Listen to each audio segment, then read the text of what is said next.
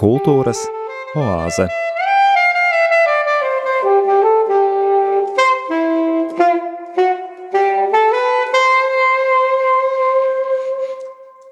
Esiet sveicināti, cienījamie radio Marija Latvija klausītāji! Ētera laiks raidījumam Kultūras oāze, un ar jums sasveicinās tā veidotājs un vadītājs Normons Zariņš. Mana ikdienas dzīve un darbs ir saistīts ar dažādu zemju, tautību, kultūru, reliģiju, paudžu cilvēkiem, savā pieredzē tik atšķirīgiem. Satiekot tik vienu no viņiem, ar lepnumu saku, ka esmu no Latvijas, kur ir vissmaržīgākās pļavas, viszilākā jūra, interesants kultūras turisms un noturīgas tradicionālo kristīgo konfesiju tradīcijas. Ja kāds jautā par Latvijas vieglās izklaides industriju jeb šaubiznesu, tad godīgi saku, ka manā skatījumā tas visumā varētu būt labāks. Šīs dienas raidījumā vēlos dalīties savā pēdējo laiku labākajā pieredzējumā šajā kultūras atzarā. To dāvā aktrise, rakstniece un dēkaine Ilona Balode. Šī gada sākumā pie lasītājiem nonākusi viņas otrā grāmata Iela muzikantu piezīmes, pilnīgi atklāta, aizraujošā valodā izstāstīta ģimenes biogrāfija, kurā dziļas refleksijas par dzīves jēgu mīs ar aizraujošiem ceļojumu stāstiem, pāra māksliniecisko darbību, ģimenes ikdienu un dievišķo atklāsmi. Arī raidījuma muzikālie akcenti Ilonas Balodas un Rolanda Ūdra, jeb vienkārši Balodas un Ūdra izpildījumā.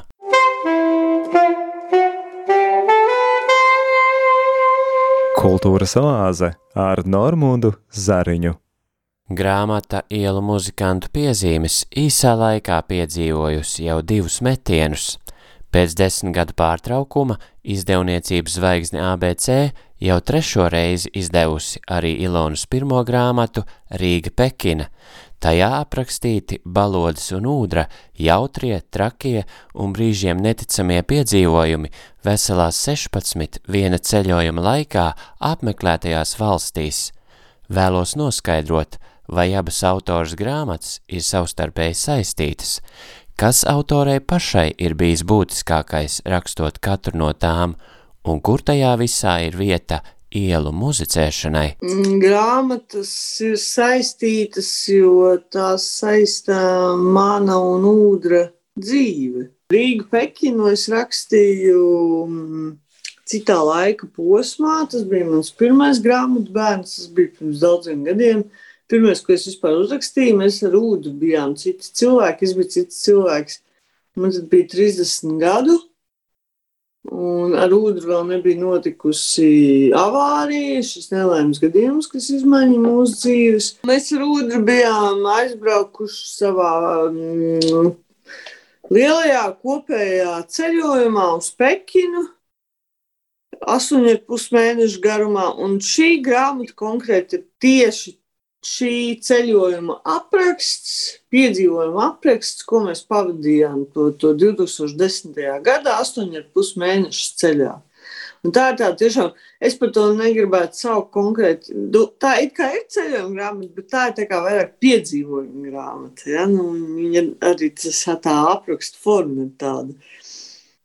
Par ceļošanu, bet nu, par piedzīvojumiem. Uh, Un tad otrā grāmata jau viela muzikantu piezīmes ir kaut kas cits. No vienas puses arī tur ir eh, lielāki, mazāki ceļojumi, kas ir kā fons, eh, bet tas ir tā kā vairāk tāds biogrāfisks romāns, kā es to priekš sevis esmu sev nostādījusi smadzenēs, biogrāfisks, autobiogrāfisks romāns trīs daļās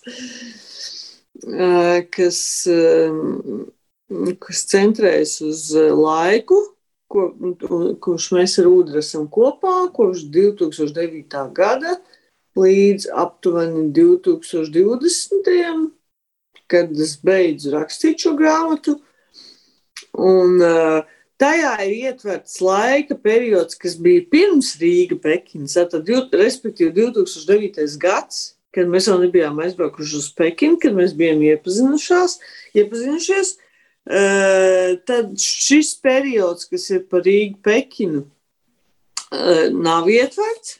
Un pēc tam turpinās tālāk no perioda, kad mēs esam atbraukuši no Pekinas un kā turpinās mūsu dzīves.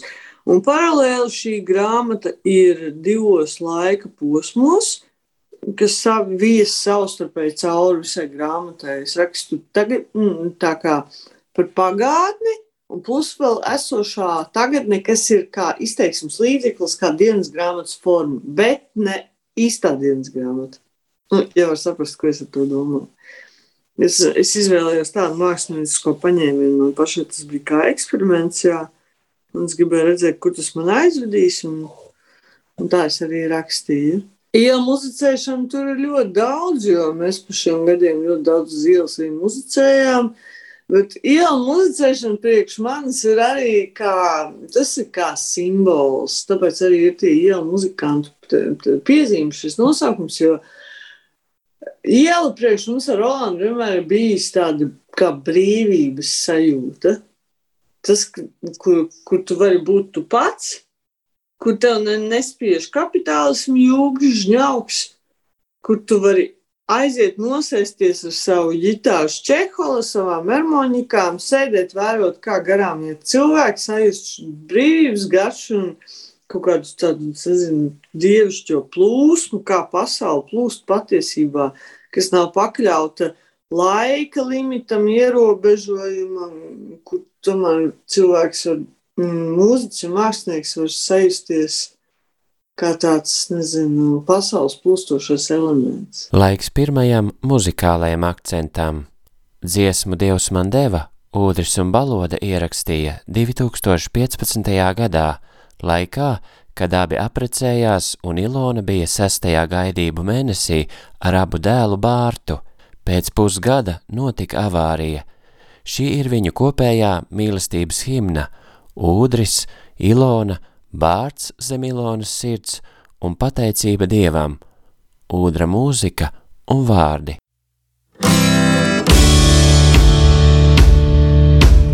Manu mazo apelīti Sēdies man klēpī, klāstīšu tev baiciņu, tādu mīļu maidziņu. Ha, Dievs man deva, deva tevi, ha, ha, laimīgs biju, kad es tevi sagaidīju. Grūti bija skumīgi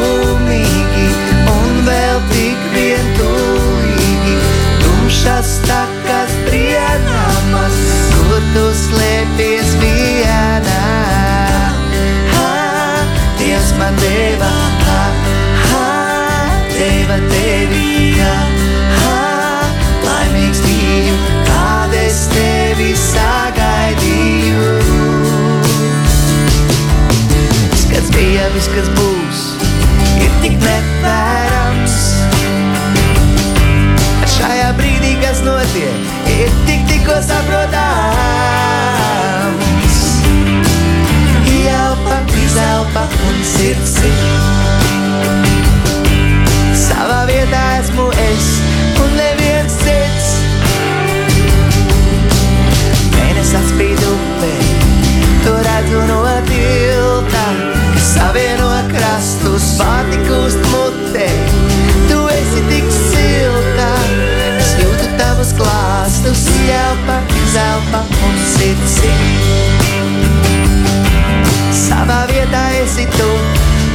un neviens cits. Ha, Dievs man deva, ha, ha, deva tevi, ha, ha, laimīgs biju, kad es tevi sagaidīju. Ha, ha, Dievs man deva, ha, ha, deva tevi,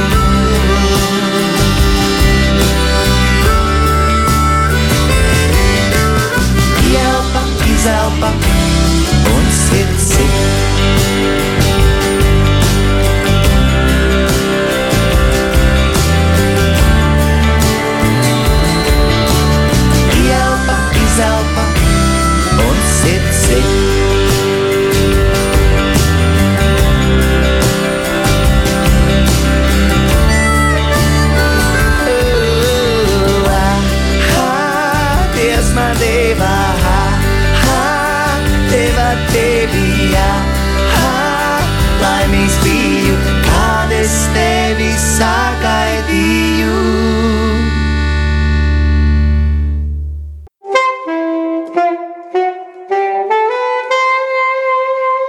Ēterā kultūras oāze. 2016. gada 17. janvārī Rīgā ūdri notrieca automašīna. Viņš smagā stāvoklī tika nogādāts slimnīcā.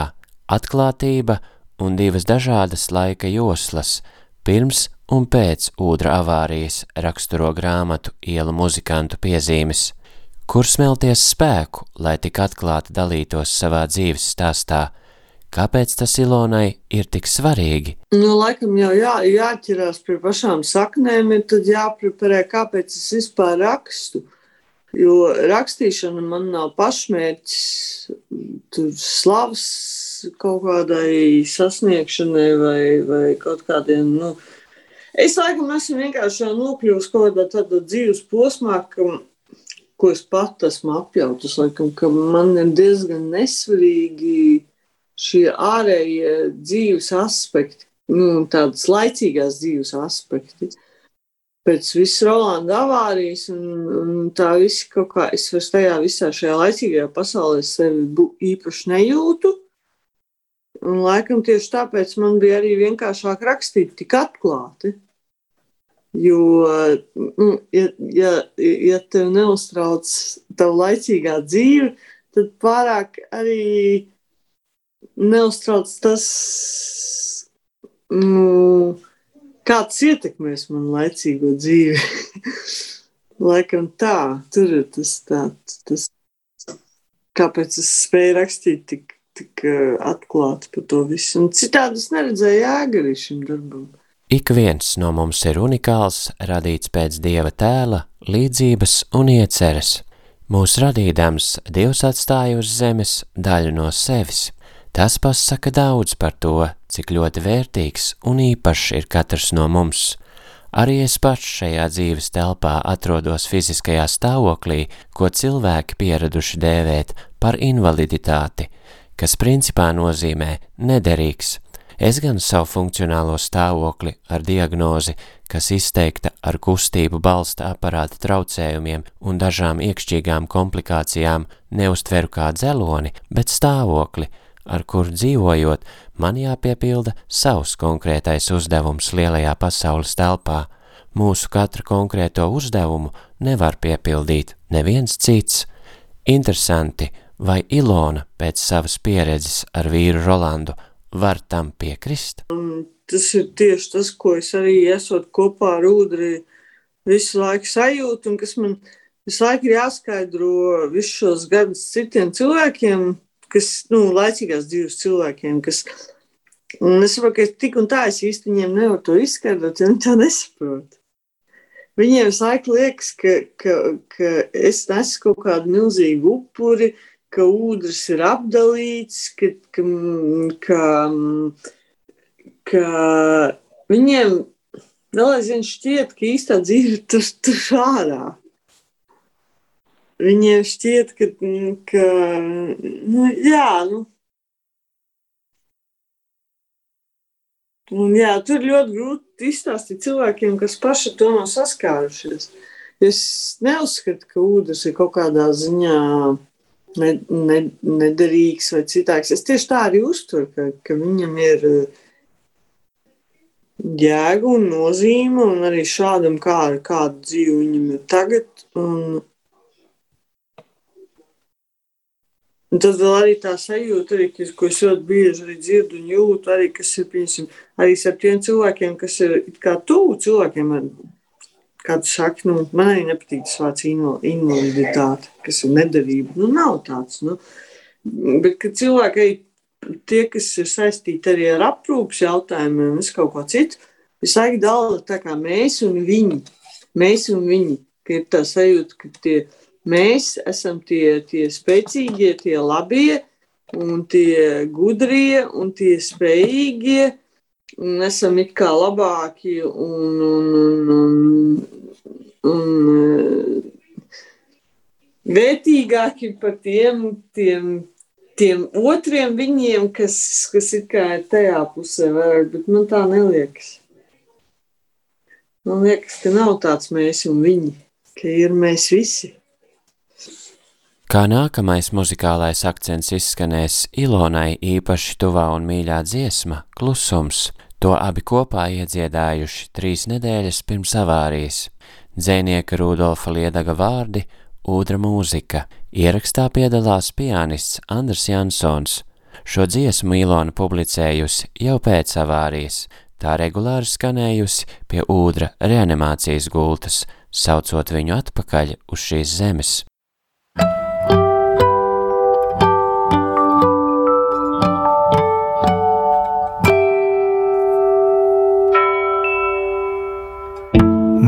Ejam pa meža ceļu, kas snieg pārsludinājos viss.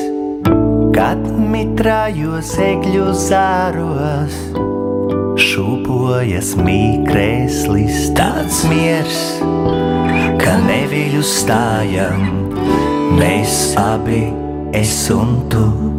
Saplūstot kopā ar meža šaucošo klusumu.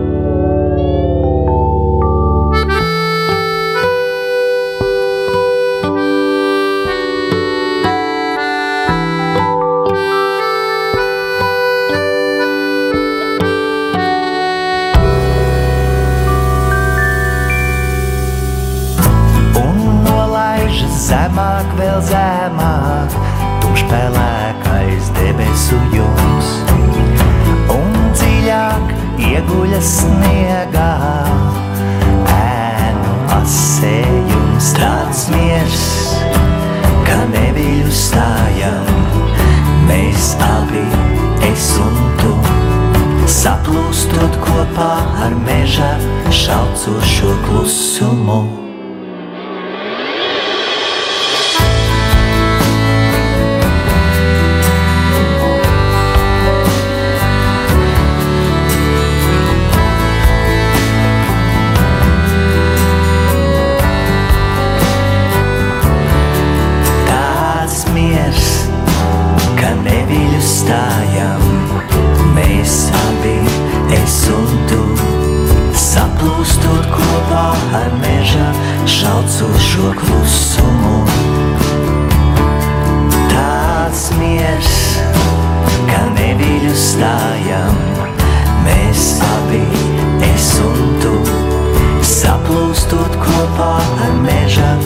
Pēc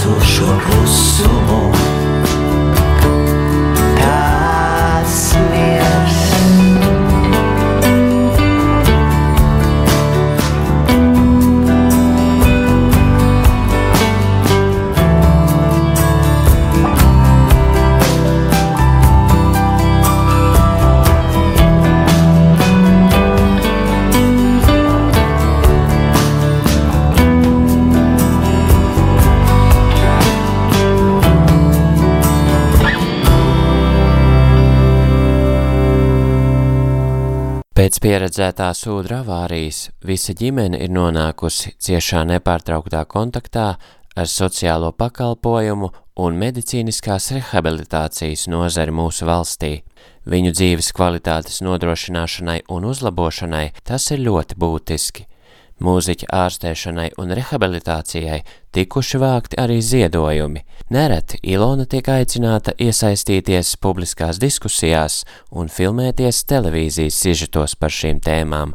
Turpinājumā Ilonas pārdomas par pieredzēto. Patiesībā par šiem gadiem, vismaz par pēdējiem gadiem, ir tā, ka man šķiet, ka pat sliktāk ir kļuvis.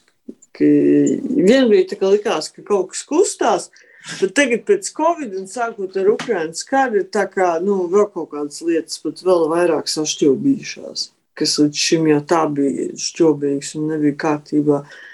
Nu, ir viens liels bardaks, ir ļoti liels, ir lieli smagi robi veselības aprūpē un arī sociālajā aprūpē. Un tā plaisa ir liela starp veselo pasauli milzīgi. Un, Un pie tam, kamēr mēs tā kā vēl dzīvojām atsevišķi Vēnspilī tur vai kā, nu, ka es nesatiku tik daudz cilvēku ar īpašām vajadzībām ikdienā un tā. Kaut kā vēl, vēl nu, nebija tik izteiktas. Bet tagad dzīvojot Rīgā sociālajā dzīvoklī, kur ikdienā es redzu, kur mums apakšā ir sociālā dienesta telpas, kur mums ir visapkārt cilvēki ar īpašām vajadzībām. Nu, tā postaža patiesībā, ko es riņķī redzu katru dienu šos trīs gadus, trīs gadus garumā, ir, ir nu, pamatīga. Un tad šeit dzīvojot, ne, nerodas tāda sajūta, ka kaut kas kļūst labāk. Drīzāk ir tā, ka es laikam esmu tā riktīgi ieraudzījis to drūmo bildi, kāda viņa patiesībā. Un kad ir nebeidzamais stāsts par to, ka tagad atkal ir pagājuši pieci gadi, bija septiņi gadi kopš avārijas, pirmo div, divu gadu pēc avārijas man bija jākārto pirmo, otro reizi ūdri un invaliditātes dokumenti par to, ka viņš ir invalīds pirmās grupas. Tagad ir pagājuši pieci gadi, man atkal ir jādara tas pats jāpierāda, ka viņš vēl aizvien ir invalīds un atkal jāiet cauri birokrātijas kalnam. Principā sanāk, ka visus šos gadus šo ārkārtīgi daudz enerģijas un laika tiek veltīts eh, nevis kaut kādām tādām, nezinu, tiešām vajadzīgām, nepieciešamām lietām, bet bezjēdzīgām birokrātijām. Kā piemēram, staigāšanām uz sociālajiem dienestiem, tur visu laiku ir, ir rakstot iesniegumus no jauna, aizpildot papīru kalnus, iesniedzot ieņēmumu pārskatus, cīnoties par to, lai saglabātos asistentam darbs, vai lai būtu līdzekļi, ko samaksāt palīgam, vai, vai lai mēs tiktu pie rehabilitācijas. Un ļoti liela daļa no tā viss, ko ir iespējams ar valsts palīdzību arī tā kā panākt, ir eh, tāds, eh, it kā viss kaut kas ir, bet diemžēl ļoti daudz kas no tā viss eh, praksē nedarbojas. Ka tās lietas it kā ir uz papīra rakstīts, jā, jums pienāks, viss ir, viss šeit ir, bet tajā pašā laikā, kad mēs to sākam darīt, tad tas ir tā tāds strupceļš, kas ir ķeksīts, tiek izdarīts, un mēs paliekam turpat, kur esam. Nu, tā. Tas ļoti daudz enerģijas noņem. Un, jā, un, un, un tad vēl arī tā mūžīgā ziedošana, ziedojumu vākšana un nepietiekamie līdzekļi, kas ir, ja, piemēram, ja Rolands lai, ja, lai Rolands varētu turpināt tur rehabilitācijas un visu kaut ko, laiku viņam vajadzīgi naudas līdzekļi, higienas aprūpas līdzekļi, asistentam līdzekļi. Tagad mēs esam nonākuši arī posmā, kad beigsies saziedotā nauda, ko mēs pirms septiņiem gadiem arī viņam veicot ziedojumu koncerts, kas bija ziedot vai saziedot. Un es tagad arī visu šo pavasari, es tā kā esmu dilēmas priekšā, ka man no vienas puses vajadzētu atkal taisīt kādu ziedojumu akciju, vākt ziedojumus Rolandam, bet es nespēju sevī atrast vairs spēku, atkal lūgt, klauvēt pie šo cilvēku durvīm un atkal lūgt viņiem, ka mums nekad nebeidzas šīs vajadzības un, un, un ir tik daudzi, kas lūdz un kam vajag, un tas ir tāds nebeidzamais stāsts, un nezinu, man gribas kaut kā tikt ārā no tā lūdzēja statusa no tā purva, kurā mēs dēļ Rolandas avārijas esam iestiguši. Man gribās mēģināt kaut kā cīnīties pašiem. Nu tā. Jo nav viegli lūgt. Tas ir vēl viens tāds, um,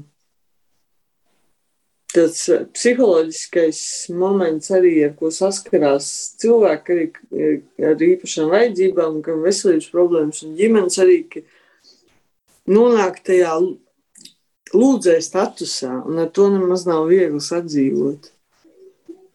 Kaut gan varbūt no malas cilvēkiem liekas, ka tas ir ļoti vienkārši, jā, kad rekut, viņi tikai iet un lūdz un viņiem viss dod, bet nu, tas nav vienkārši.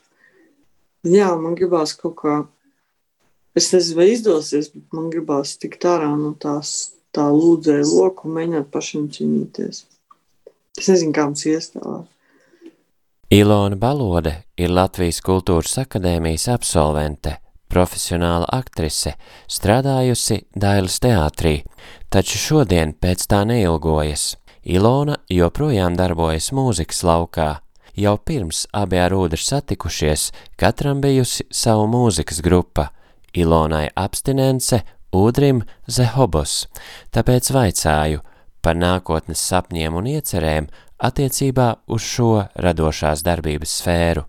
Vai ielu muzikantu piezīmes varētu pārtapt mūziklā? Es domāju, ka tas, tas patiesībā būtu brīnišķīgi, ja kādreiz kāds izdomāts to, to manu uzrakstīto um, iestudēt vai, vai uzfilmēt, vai kā es būtu. Es, es ārkārtīgi priecātos. Bet tikai es laikam pati negribētu piedalīties kā aktrise. Bet tas būtu ļoti priecīgi, ja kāds kādreiz izdomātu kaut ko ar to darbu izdarīt. Vispār maniem darbiem. Man ļoti patīk arī, nu, nu, pat, patīk, ka citi cilvēki kaut ko dara ar to, to man, tiem maniem uzrakstītajiem burtiem.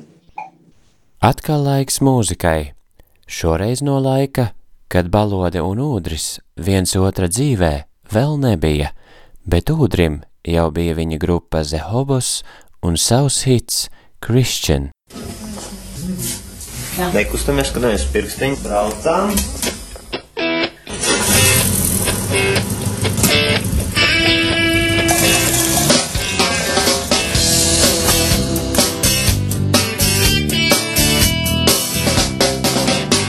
To drink Coca-Cola and eat McDonald's. I sipped whiskey a lonely Saturday night. But now I'm gonna be a Christian, Christian, Christian if you want me to. I'm gonna be a Christian, Christian, Christian if you want me to. Well, if you want me to.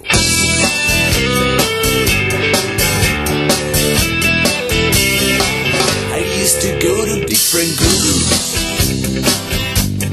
like a Jesus Christ. And when you came to me that day, I thought that all you said were lies.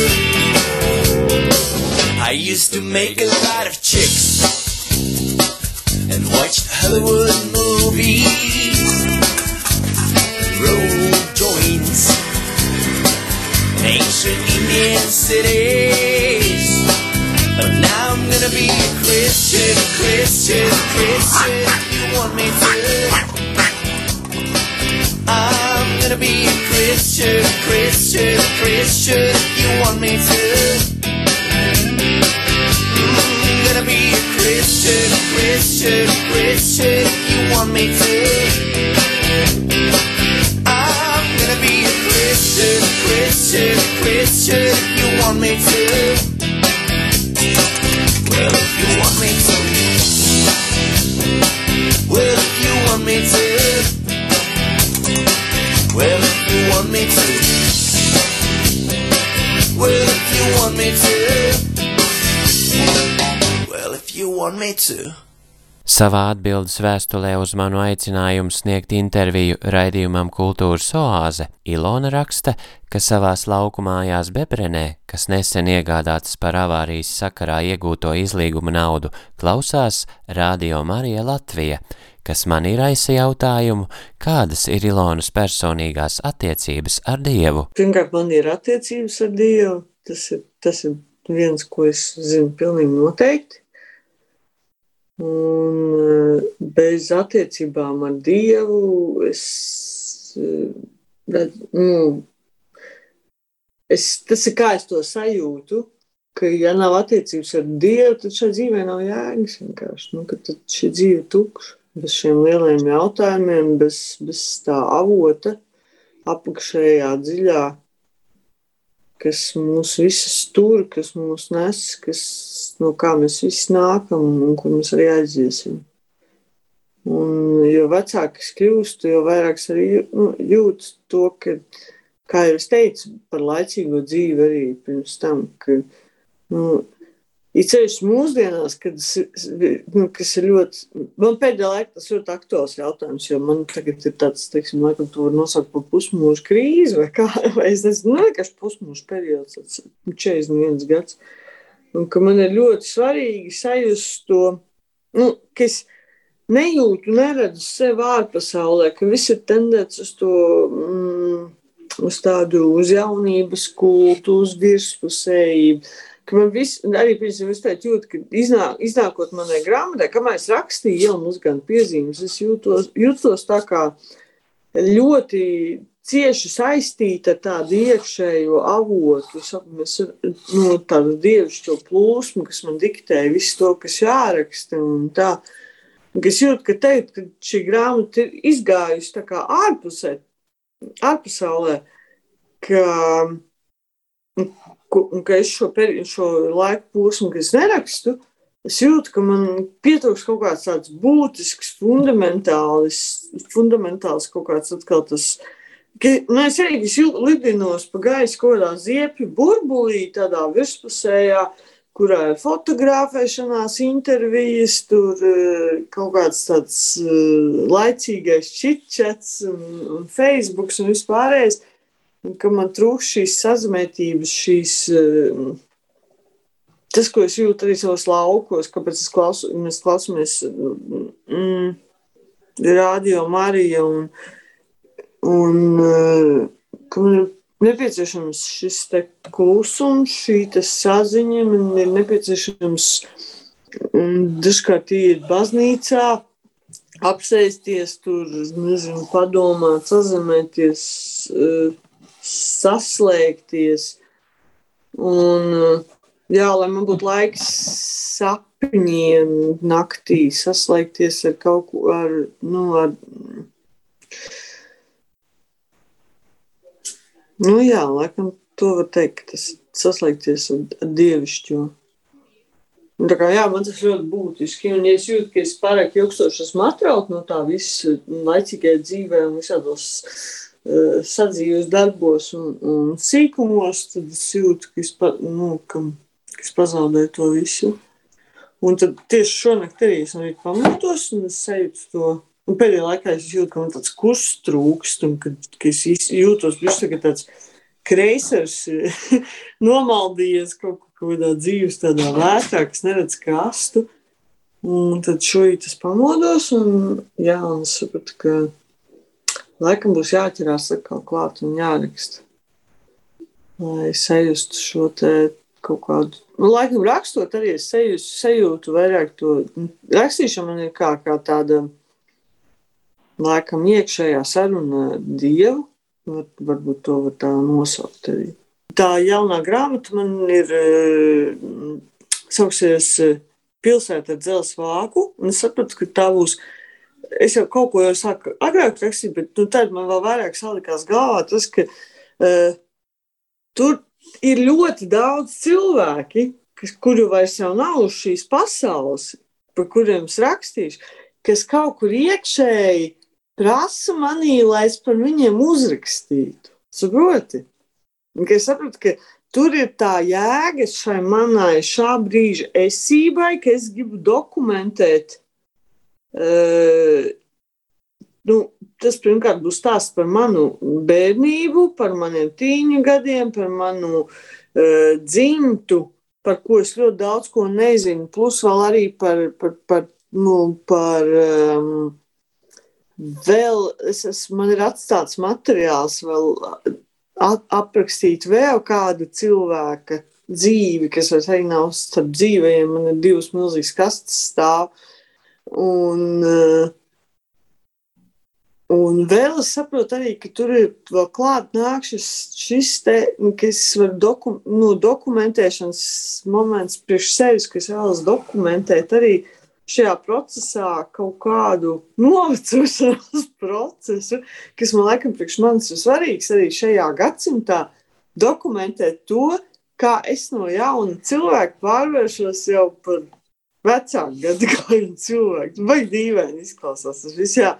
Un ka es apzinos, ka tas ir tas, kas laikam man no Dieva dots.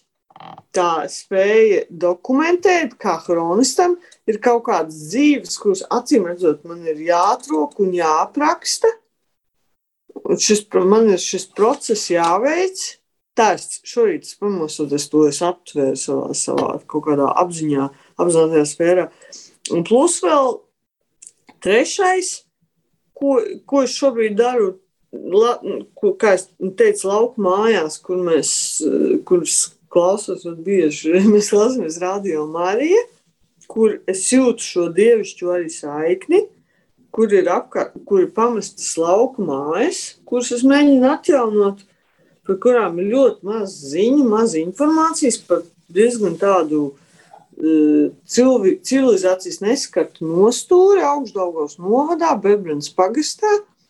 Un man šķiet, ka arī tas ir kaut kas tāds, kas, ko man ir lemts dokumentēt. Pirmkārt, mēģinot iedvest vēlreiz dzīvību, atjaunot šīs te, nu, šīs gan arī postā aizgājušās mājas vecās, at, saprast, kas tur ir bijis, un, un tā kā restaurēt to visu. Un tā kā principā man sanāk tāds hronisks, hronista restaurētoru darbs priekšā, kas mums stāv.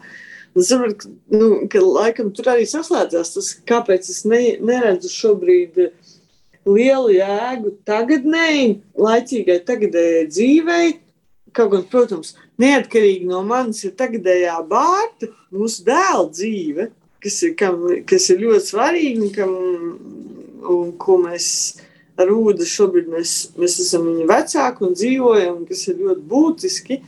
Bet šis mans arī tagadējais dzīves kurs ir novirzījies no kaut kādas manas egoistiskās patības nost laicīgās dzīves. Un kas un tikko nu, šorīt ir atklājies tāds kaut kāds mežģīņu raksts, jēga kaut kādiem, nezinu, turpmākajiem, Dievs dos turpmākajiem kaut kādiem gadiem. Ja. Kā noslēdzošais muzikālais akcents, lai izskan no Ilonas atsevišķās dairades izvēlētā dziesma Pasaciņa, kas 2020. gadā radīta kopā ar Valēriju Cīruli un iekļuvusi Latvijas televīzijas dziesmu aptaujas Latvijas sirdziesma topa 20. niekā.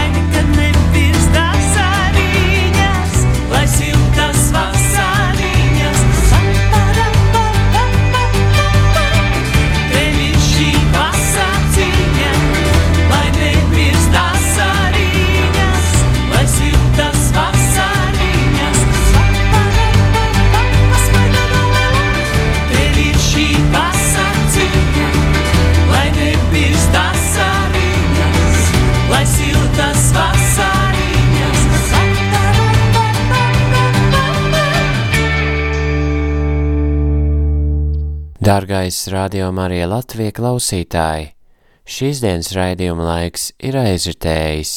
Paldies par kopā būšanu!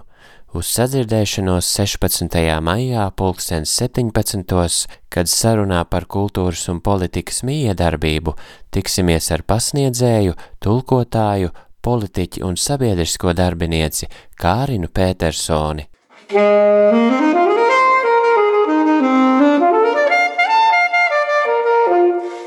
Izskanēja raidījums Kultūras oāze.